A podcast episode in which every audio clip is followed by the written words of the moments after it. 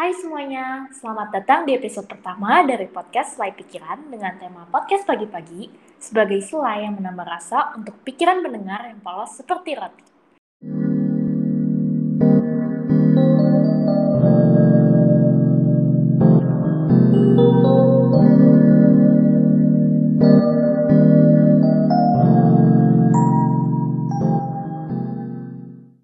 Perkenalkan, nama aku Alika yang akan menemani kalian sepanjang podcast ini.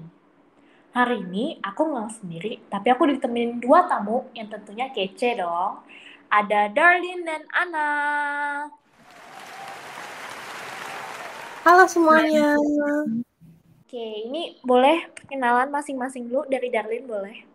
Oke, hai semuanya, hai para pendengar. Nama aku Daran Evangeline Celik. Kalian bisa panggil aku Darlene aja. Aku dari kelas 11 IPA 1 ya. Berarti kita semua sini 11 IPA 1 ya. Oke, silakan Ana. Ya, halo semuanya. Jadi nama aku Neptalina Chandra. Silahkan panggil aku Ana dan aku juga sama dengan Darlene. Kita semua sama-sama dari kelas 11 IPA 1. Oke, ini unik ya. Kita semua satu sekolah tapi nggak ada yang pernah ketemu satu sama lain. Ya, gitulah karena pandemi ini ya. Uh, gimana kabar kalian? Baik? Baik sih, oke-oke aja. Walaupun banyak tugas. Setuju. Sekarang tugas memang lagi banyak-banyaknya sih. Hmm, tapi kesehatan baik ya? Iya, oke-oke aja. Itu yang paling penting. Lagi pandemi gini ada susah sih ya. Nggak bisa sekolah, nggak bisa ketemu temen, nggak bisa pergi.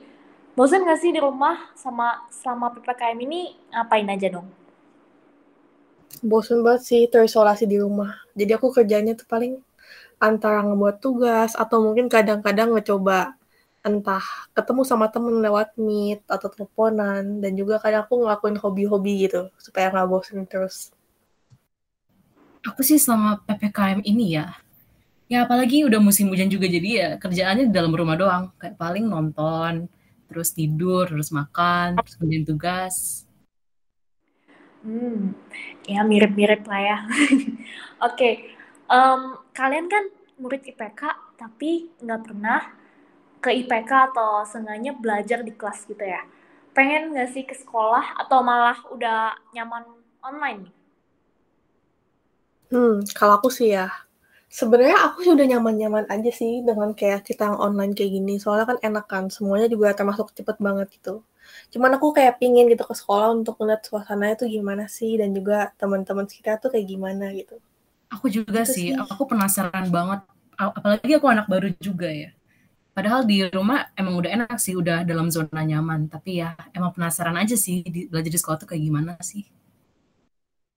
Hmm, sama sih ya sih pengen sekolah sih. Kayak pengen ngadain event-event gitu kan sekarang nggak bisa ya kalau kalau um, online Ya udah kita doain aja semoga COVID-19 cepat selesai terus kita bisa menjalankan aktivitas secara normal.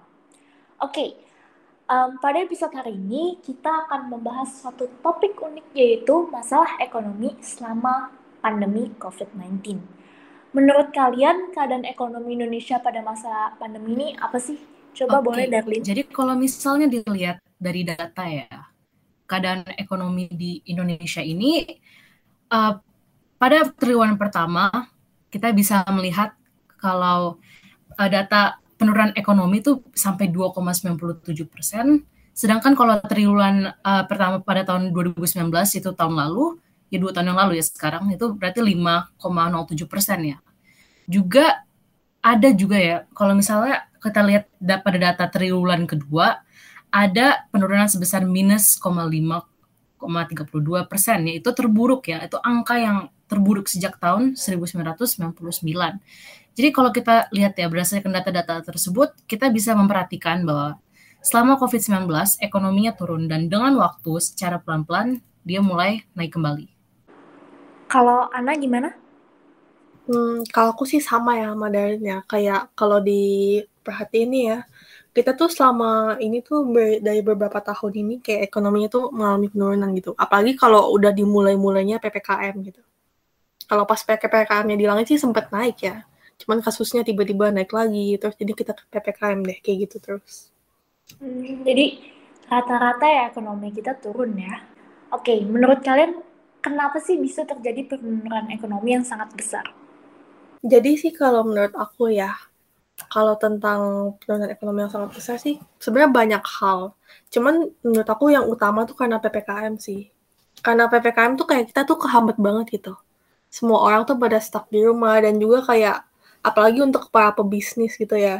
Mereka tuh pekerjaannya banyak banget yang kehambat gitu. Bahkan sampai ada yang banyak banget perusahaan tuh pada nge-PHK gitu pegawai-pegawainya dan itu kan kan udah secara langsung kan udah langsung tuh menghambat ekonomi tuh langsung menurun tuh terus ditambah lagi nih sama para para pegawai yang PHK gitu mereka kan pasti tuh pada punya keluarga lah untuk di mencari nafkah gitu. Cuman karena mereka udah nggak ada penghasilan lagi pasti mereka juga pembeliannya menurun dong untuk kebutuhan sehari-hari.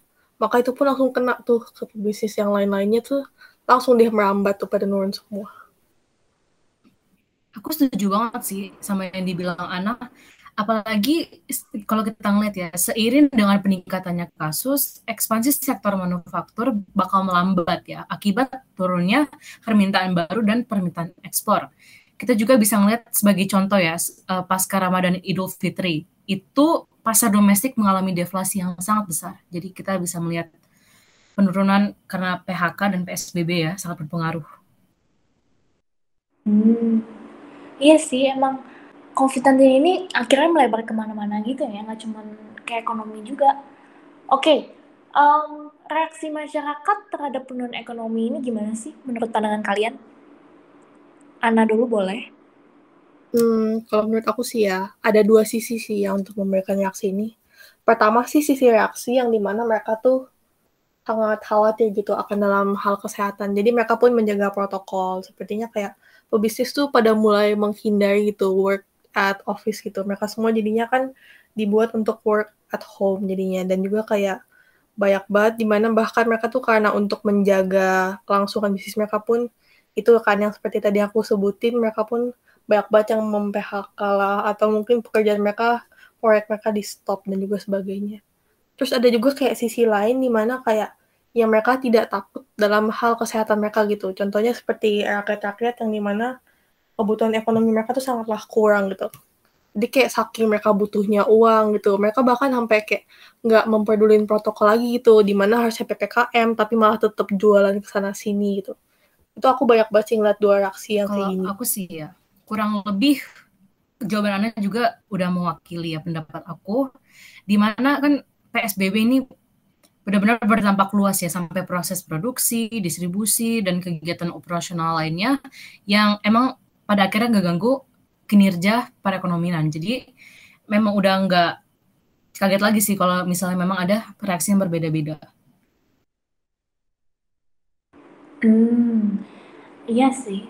Oke, nih presiden kan pasti udah ngelakuin banyak hal ya untuk nanganin masalah ekonomi ini.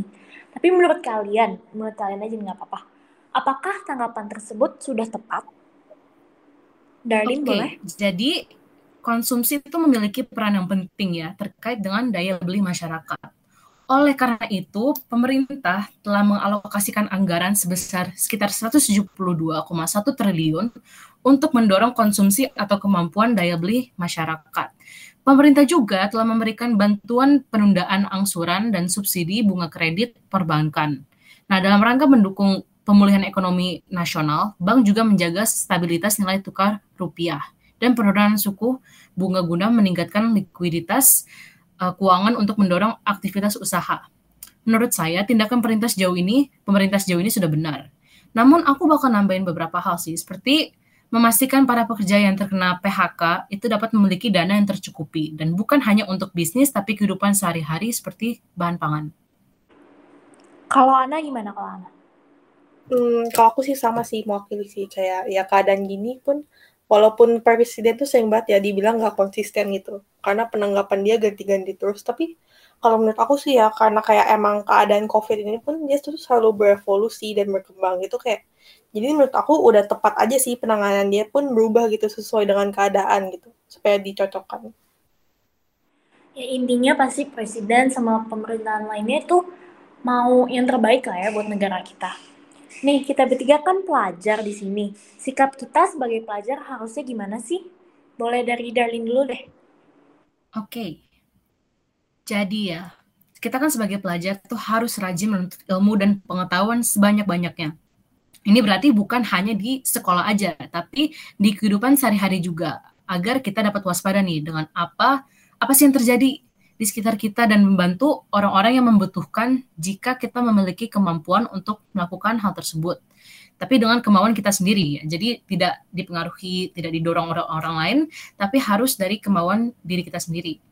Karena jika kita cuek dengan kondisi, kita nggak akan bisa membantu Indonesia untuk pulih. Aku sama sih. Ya pertama, kita sebagai pelajar hakikatnya menjadi pelajar yang baik. Terus kalau kita sebisa mungkin juga pun menggunakan platform yang kita punya, apalagi karena kita tuh generasi muda gitu, sering banget deket sama yang namanya teknologi.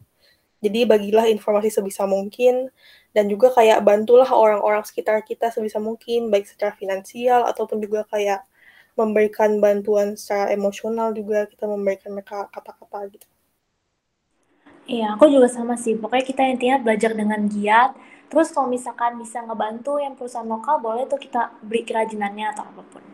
Kayaknya cukup ya. Terima kasih Ana dan Nerlin udah nemenin aku hari ini di podcast Live Pikiran.